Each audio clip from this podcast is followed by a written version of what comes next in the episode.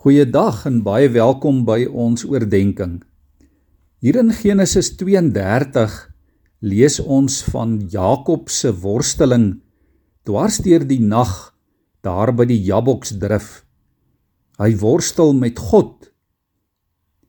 En in Genesis 32 vers 27 lees ons dat teen dagbreek sê Jakob dat hy nie die Here sal los voordat die Here hom seën nie. Dit is toe dat die Here vir hom vra: "Wat is jou naam?" Ek wonder nogal hoekom die Here dit vir Jakob sou gevra het, aangesien die Here tog verseker geweet het wat Jakob se naam is. Miskien wou die Here op 'n manier hê Jakob moet presies sê wie hy was. Dat hy 'n bedrieger was, dat hy 'n uitbuiter was. Want dit is wat sy naam die naam Jakob tog beteken het. Maar nou gee die Here vir hom 'n nuwe naam. Die Here gee vir hom 'n nuwe doel, 'n nuwe lewe. Sy naam sou nou Israel wees want lees ons daar in Genesis 32 vers 28 want jy het teen God en teen mense 'n stryd gevoer en jy het dit end uit volgehou. Net soos wat vir Jakob gesê word, is daar ook vir my en vir jou altyd 'n geleentheid om 'n spesiale ontmoeting met die Here te hê. As altyd 'n geleentheid om nuut gemaak te word deur die Here, om 'n nuwe naam te kry, om nuwe perspektief te kry, nuwe betekenis, 'n nuwe koers vir ons lewe. Ons lees ook dat hier staan in Jesaja 62 vers 2 tot 4 wat die Here vir sy volk sê: Jy sal 'n nuwe naam kry, 'n naam wat die Here self vir jou gekies het. Die Here sal jou soos 'n suurlike kroon in sy hand hou. Jou God sal jou soos 'n koninklike tulband vashou. Jy sal genoem word die een vir wie die Here liefhet. Liewe vriende, wat is jou naam? Wat is die nuwe naam wat die Here self vir jou gekies het? Die Here tog vir jou kom sê, jy is nou kind van God. Jy is koningskind. Jy's geesvervulde, jy's verloste. Jy's geliefde van God.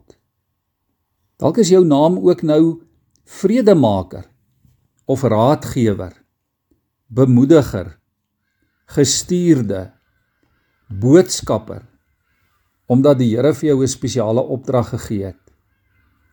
Wat jy en ek vandag verseker kan weet is dat hierdie nuwe naam wat die Here vir ons gekies het, ook die naam is die een vir wie die Here lief is. Dit is 'n baie mooi naam. Dis 'n spesiale naam met spesiale betekenis. Jy is nie sommer maar net iemand nie. Jy's nie 'n identiteitslose individu nie. Jy is Jy is iemand spesifiek vir wie die Here uit sy hele hart uit liefhet en omgee. En daarom aanvaar dit vandag in geloof.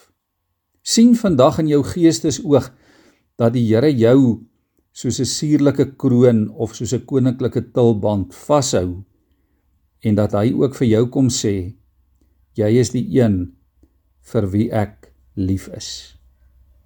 Kom ons buig ons hoofde voor hom. Here, dankie dat ons dit vandag ook so duidelik kan hoor. Ja Here, dat wanneer U deel is van ons lewe, dan het ons lewe 'n ander identiteit. Dan het ons lewe 'n ander doel, 'n ander betekenis. Ja Here, dan kom stort U U liefde en U genade en U seënings oor ons lewens uit en daarom is ons elkeen se naam ook die een vir wie die Here lief is. Die een vir wie die Here wil gebruik, die een vir wie die Here wil seën, die een vir wie die Here geleenthede en kansse in die lewe gee, die een vir wie die Here die lewe mooi en goed en lekker wil maak. Die een wat altyd die Here by hom en by haar het. Here, dit is so ongelooflik om vandag die lewe tegemoet te gaan, die wêreld in die oë te kyk en te weet dat ons naam Here ook in u handpalms gegraveer is. Dat u vir ons elkeen ken dat ons identiteit in u is. Nie in onsself nie, nie in ons eie onvermoë in ons eie sondigheid en ons eie foute en tekortkominge nie. Maar Here, wie ons is, is deur U aan ons gegee. Dankie daarvoor. Dankie dat ons daaruit kan lewe. Amen.